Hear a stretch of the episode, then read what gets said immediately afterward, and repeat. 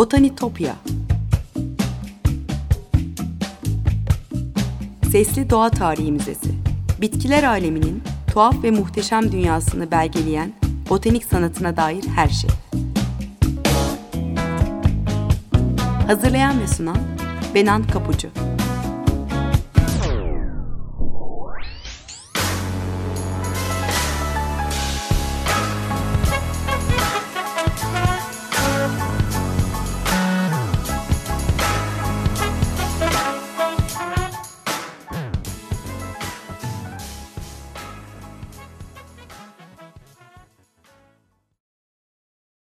Merhaba sevgili Açık Radyo dinleyicileri.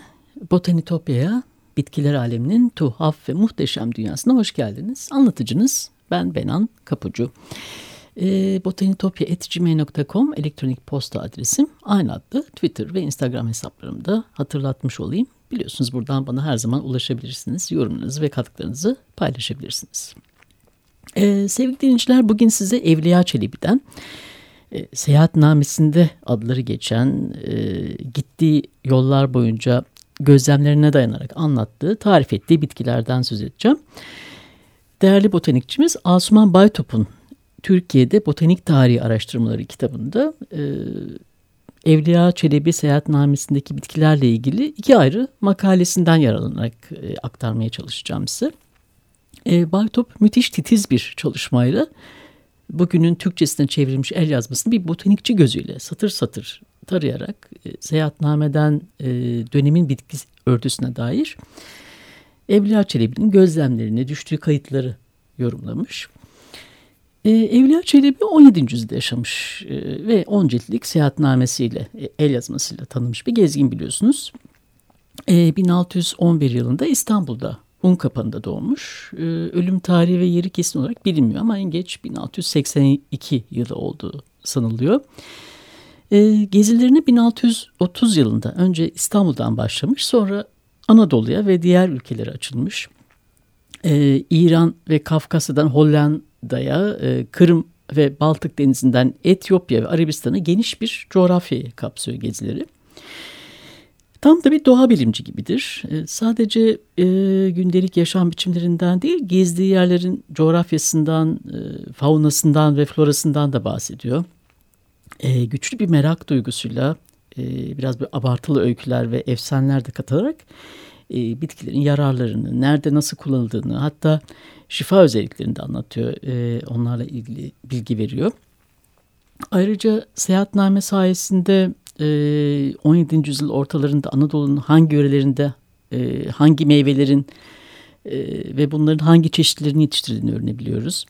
E, gezdiği yerlerde halkın tükettiği yiyecek içecekleri o yörelerde yetiştirilen bugün bildiğimiz bütün sebze, meyve ve tahıllardan söz ediyor neredeyse.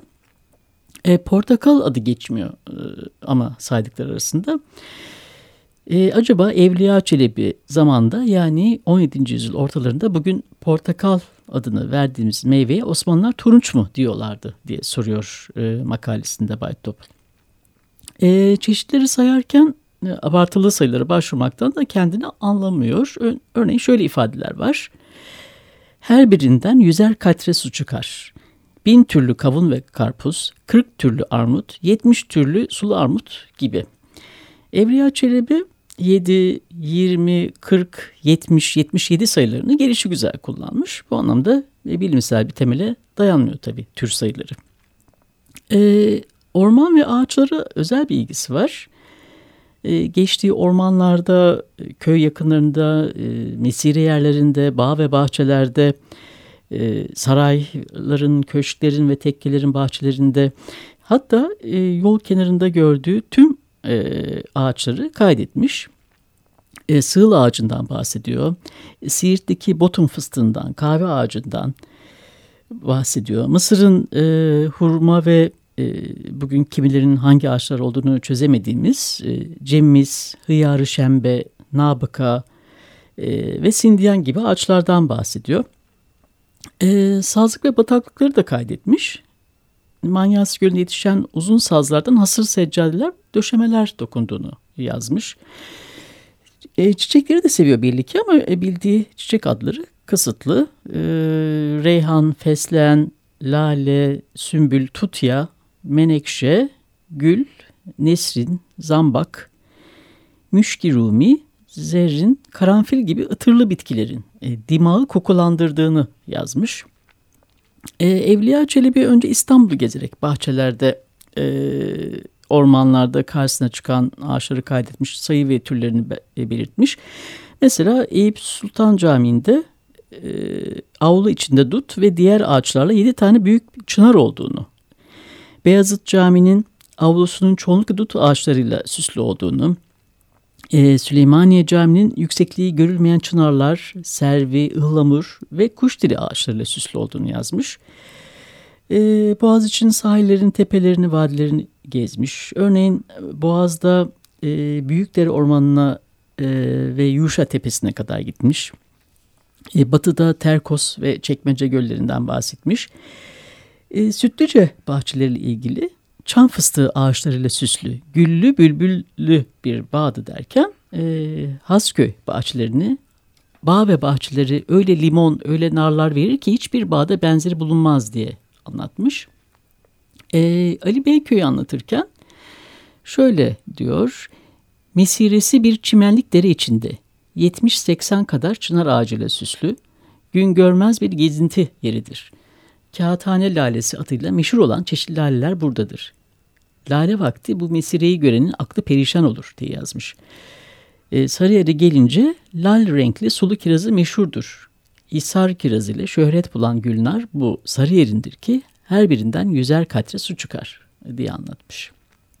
Ee, Evliya Çelebi'nin Anadolu'ya yaptığı ilk yolculuk Bursa'ya olmuş. Ee, 2 Mayıs 1640 tarihinde İstanbul'dan hareket ederek deniz yoluyla Mudanya, oradan da Bursa'ya gitmiş. Ee, Uludağ'a çıkmış ve 28 Mayıs günü İstanbul'a dönmüş. Ee, Bursa gezisinde şehir içinde e, dükkanları örten üzüm asmalarını, e, sokakların iki tarafını süsleyen ağaçları, e, meydancıklardaki büyük çınar ve salkım söğütleri, Misri yerlerindeki e, çınar, karaağaç, e, salkım söğüt, ardıç, e, çam fıstığı ağaçlarını, yabani asmaları kayda geçirmiş. E, Bursa'nın 40 türlü armudu, sulu çeşitli üzümü, keşiş sulu kirazı, hele kestanesi hiçbir yerde olmak ihtimali yoktur demiş. E, ikinci gezisi tamamen deniz yoluyla İstanbul'dan 21 Haziran e, 1640 tarihinde hareket etmiş. Darıca ve Hersek üzerinden İzmit'e sonra tekrar e, Hersek, e, Yalova ve adalar üzerinden İstanbul'a dönmüş. E, İzmit'in doğusunun dağların göklere baş uzatmış sık ve büyük ağaçlarla kaplı olduğunu, e, beyaz kirazının ve kızıl elmasının meşhur olduğunu da yazıyor notlarında. Bu e, ilk iki geziden sonra Evliya Çelebi Anadolu'ya ve veya e, Rumeli'ye görevle giden paşaların yanında yolculuk yapmaya e, başlamış. E, ilkinde 19 Ağustos 1640 tarihinde İstanbul'dan deniz yoluyla Trabzon'a gitmiş. Buradan da sınırdaki Günya yani Gonya Kalesi'ne gidip gelmiş. E, Azak seferine katılmış ve İstanbul'a dönmüş. Bu seyahati sırasında e, Samsun'da bütün dünya yetecek kadar kendir ipli e, kendir ipliği olduğunu, e, Trabzon'da e, kiraz, lahıcan armudu, bey armudu, gülabi armudu, sinop elması, meliki üzüm, e, badılcan, e, limon, turunç ve nar yetiştiğini, zeytin yetiştiğini söylüyor. E, şimşir ağaçlarından ve fındıklardan da bahsediyor.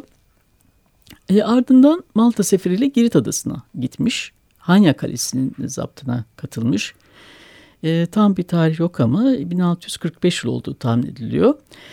E, Üsküdar'dan hareketli Erzurum'a gitmiş. E, buradan Bakü'ye e, kadar gidip gelir. Gürcistan seferine katılır. E, Tortum'a, Erzurum'a, Erzincan'a, Şebinkarahisar'a, e, Niksar, Merzifon, Beypazarı, Göynük tüm e, yol boyunca birçok kent ve kasabaya uğradıktan sonra yaklaşık 3 yıl süren bu e, yolculuğun sonunda e, botanik açısından değerli birçok kayıt düşmüş.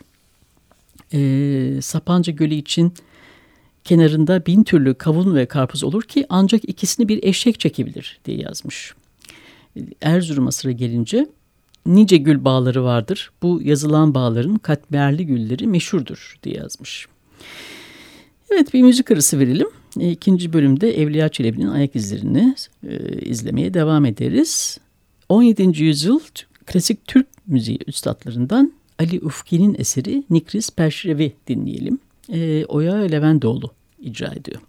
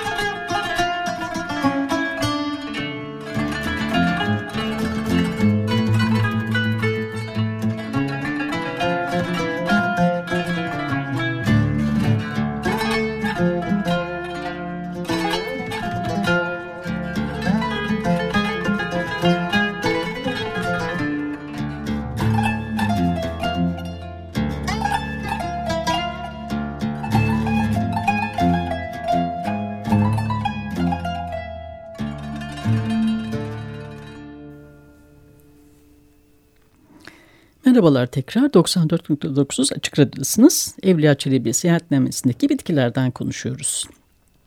Ee, Doğu Anadolu yolculuğundan sonra mektup taşımak göreviyle Şam, Sur, Akka ve Gazze'ye gittiğini görüyoruz. Ee, Anadolu ve Suriye'de Suriye arasında geçen bu iki yıl boyunca e, Anadolu'ya ilgili bolca kayıt e, düşmüş. Bu kayıtların arasında Konya'da gördüğü bir çiçek de var. E, şöyle yazmış. Meram Dağı'nda bir çeşit çiçek olur ki mavi renklidir. Debbağlar onunla deriyi tabaklayıp gül rengi, gül şeftali sarısı, turuncu, kırmızı sahtiyan yaparlar ki Arap ve Acem'de tanınmıştır. E, bu çiçeğin ne olduğu e, kesin olarak bilinmiyor bugün. E, Urfa'yı anlatırken e, Saraçhanesi mevsimi gelince zambak ve diğer çeşitli çiçeklerle süslü olup gelip geçenlerin dimalarını kokulandırır diye e, anlatmış. E, Kayseri'de ise kitapta Kayseriye diye geçiyor. E, 77 çeşit tahıl ve bitkileri, 77 türlü e, de sebze ve ot bulunur diye yazmış. Bilhassa buğday ve arpası meşhurdur. E, dağlarda mazısı gayet çok olduğundan debbağları onunla keçi derisi işlerler. Öyle bir sarı sahtiyen olur ki güya altın sarısıdır. İçinde adamın çehresi görünür. Hatta halk dilinde Kayseri sahtiyanı gibi gıcır gıcır öter diye darbe mesel olmuştur. E, Bingöl yaylasına gelince nice çeşit bitki ve otları olduğu gibi kimya otu dahi vardır diyor. Sarı tutya, kırmızı tutya, mor tutyalar var ki güzel kokusundan adamın eli mağı kokulanır. Bu e, kimya otunun e, ne olduğu bilinmiyor henüz. E, Cebeli Lübnan'da da bulunduğunu, e, bu otu yiyen koyun ve keçinin dişlerinin altın gibi olduğunu, e, kimyacıların bu otu bulup altın yapmakta kullandıklarını fakat e, bu otun dağda pek az bulunduğunu yazmış. E, Baytop makalesinde e, bu bitkinin altın ile ilgisi olmadığı kesin ama e, onun çiğnendiği zaman e, tükürüğü sarıya boyayan bir bitki olduğunu tahmin edebiliriz diye yazmış. E, hele keçiler de yediğine göre bu bitki niçin bir çalı örneğin karamuk yani berberiz çalısı olmasın diye sormuş. Ee, Evliya Çelebi e, 1650-1653 yıllar arasında yaptığı Rumeli yolculuğunda e, İstanbul'dan başlayarak Trakya üzerinden Bulgaristan'a geçer ve Tuna Nehri boyunca dolaştıktan sonra Edirne'ye, Hafsa'ya, e, Baba Eski, Silivri ve Çatalca'ya uğradıktan sonra İstanbul'a gelir ve Benevşe yani bugün Menekşe e, e, olan e, Benevşe çayırında konaklar. E, bu yolculuğu sırasında uğradığı Çatalca için şöyle yazmış. Şehrin doğu tarafında bir çimenlik saharaya bakan yüksek yerde servi, çınar, kavak, dalları aşağıya sarkmış söğüt ağaçları ve diğer çeşitli meyvelerle donanmış bir ağaçlık İrem Bağ'dır ki sanki cennettir. İçinde bostancı başı 300 bahçıvan vardır. Çatalca çayırı kağıthane çayırından latif bitkili ve otlu olup yonca ile süslü bir laleliktir. E, 1653 yılının tahminen Haziran-Temmuz aylarında e, Trakya'da bulunduğu sıralarda daha ziyade Edirne'den bahsetmiş. E, bu şehrin her tarafının gülistan ve aşık olduğunu, her tarafta bağ, bahçe, bostan bulunduğunu, e, cami avlarında bile bol çiçek yetiştirdiğini yazmış. E, burada önemli olan Edirne'de gül bahçelerinin bulunduğunu ve gül suyu üretildiğini kaydetmiş olması. E, Rumeli'den İstanbul'a döndükten sonra o kuş yine ulak olarak Konya'ya gidip gelmiş. E, ardından Van yolculuğuna çıkacak ve bu yolculuğunu İran ve Irak'a e, devam ettirecektir. E, Doğu Anadolu yolculuğu ilgili seyahatnamesinde Diyarbakır'ın e, bitki örtüsünü şöyle anlatıyor. E, büyük nehir akmakla iki tarafı gülistan, bostan ve fesligenliktir. Kudret helvası gökten meşe ağaçları yaprakları üzerine yağar. Gayet latif bir müsil helvadır. Ailesinin bey ve fakiri şat sahiline göçüp hastalarına kavun, karpuz, çeşitli sebzeler ekerler. Ama burada herkesin kendi sınırlarında bir türlü fesligen olur ki bir ayda bunlar orman olup mızrak boyuna çıkarlar. Fesligenden içerisi görünmez olur. Bütün evlerin dört duvarları, kapıları fesligendendir. Fesligenlerin kökleri toprakta olup bütün dal ve yaprakları yeşil olarak durur ve daima topraktan tazelik bulup yürür. E, Osman Baytup'un makalesinde de ifade ettiği gibi e, Evliya Çelebi'nin fesigen dediği ve çok yıllık e, olduğunu söylediği bu kamış e, büyük bir ihtimalle Plirakmides australis. Bu bitki bugün de e, bütün Anadolu'da e, çit ve çapı, çatı e, yapımında kullanılıyormuş. Evliya Çelebi'nin 1663 ve 1667 e, yıllar arasında İstanbul'dan başlayıp Trakya'nın Karadeniz sahili boyunca Terkos ve İğneada'dan Bulgaristan'a doğru uzanan İstranca Dağları'nın güney eteklerini dolaştıktan sonra Edirne'ye doğru gelen ve buradan Avrupa içlerine doğru e, giden bir rota izler ve burada e, sayısız sefere katılır. E, serüven dolu bu yolculuğu sırasında e, Hayrabolu'daki bitkilerle ilgili seyahatnamede şu kayıtları düşmüş. Yonca, tırfıl, kara ayrığı, duru otu, kök çimeni. Burada o ilk üç bitki adı dışında diğerlerinin ne anlama geldikleri de bilinmiyor. Bunlar çözülemiş, çözülememiş. E, Evliya Çelebi'nin buna benzer seyahatnamede bolca yer verdiği e, botanikle ilgili bilgileri gözden geçirdiğimizde bir doğa bilimci kadar e, doğayı ve bitkileri sevdiğini hatta e, kimi zaman abartılı biçimde övdüğünü görüyoruz. E, ağaçları çok tanımasa da iyi bir gözlemci. Örneğin e, Kağıthane Deresi'nin kenarındaki ağaçlarda e, köklerin su içinde bir balık ağı oluşturduğunu gözlemlemiş. E, Macaristan'da bir gölde ağaç ve çimen topluluklarının adacıklar oluşturduğunu, e, rüzgar estiğinde bu adacıkların çayır, çimen, taş ve ağacı ile birlikte suda yer değiştirdiğini görüp kaydetmiş. E, ilginç bir noktada Evliya Çelebi'nin e, Tavas ile Muğla arasında ibret alınacak ağaçlar terimiyle nitelendirdiği anıtsal ağaçlar görmesi ve bunları adlarıyla, e, özellikleriyle e, kaydetmesi. Çardaklı çam, Adem çamı, e, kuru çam, kemerli çam, kırk kardeş çamı, e, kanlı çam gibi isimlerle kaydetmiş. E, Baytop makalesinde Anadolu'nun anıtsal ağaçlarından bahseden ilk gezginin Evliya Çelebi olduğunu söylüyor. E, Marmaris tespitlerinde adı geçen ispenet ve karabasur ağaçlarında ha, e, hangi ağaçlar olduğunun belirsiz olduğunu, bilinemediğini söylüyor. E, Evliya Çelebi çiçekleri çok seviyor ancak pek azını e, yabani olarak tanımlıyor. E, gül, e, lale, sümbül, süsen, tutya gibi isimlerle anıyor çiçekleri. E, e, deve boynu, hatayi, kafuri, tarlagül adlarının yine hangi türlere karşılık gelindiği bilinmiyor henüz. Lale'yi de gayet iyi tanıyor. E, Manisa Dağı civarında e, ki yaylalardaki lalelerden bahsediyor. E, bu lalelerin e, meşhur olduğunu, kokusu olmadığı halde şeklinin güzelliğini anlatıyor. E, şirin, kırmızı, yuvarlak, kadife gibi harili olduğunu kaydediyor. E, bu dağda bahsedilen laleler hala e, bol miktarda yetişiyor. Her bitkinin bir faydası olduğunu da inanıyor ve ot bucular esnafından bahsediyor. E, şöyle yazmış. Yeryüzünde bulunan bütün bitkileri Allah dil vermiş ve hepsi ben bu derde devayım diye Lokman'a söylemiştir. Evet e, buna benzer çokça kayıt var seyahatnamede. Kimi bir bilgiler e, muğlak olsa da yine çok değerli bir kaynak. E, Osman Baytop'un Türkiye'de Botanik Tarihi Araştırmaları kitabından alıntılarla size aktarmaya çalıştım. Daha ayrıntılı bilgiler için bu kitabı da edinebilirsiniz. Evet sevgili dinleyiciler programı kapatırken sosyal medya hesaplarını tekrar hatırlatayım. E, Botanitopya adlı Twitter ve Instagram hesaplarım var. botanitopya.gmail.com'da elektronik posta adresim. Buradan her zaman bana ulaşabilirsiniz. Her programda benden desteğini esirgemeyen tüm dinleyicilerime gönülden teşekkürlerimi de iletiyorum. Tekrar görüşünceye dek sevgiyle ve duayla kalın.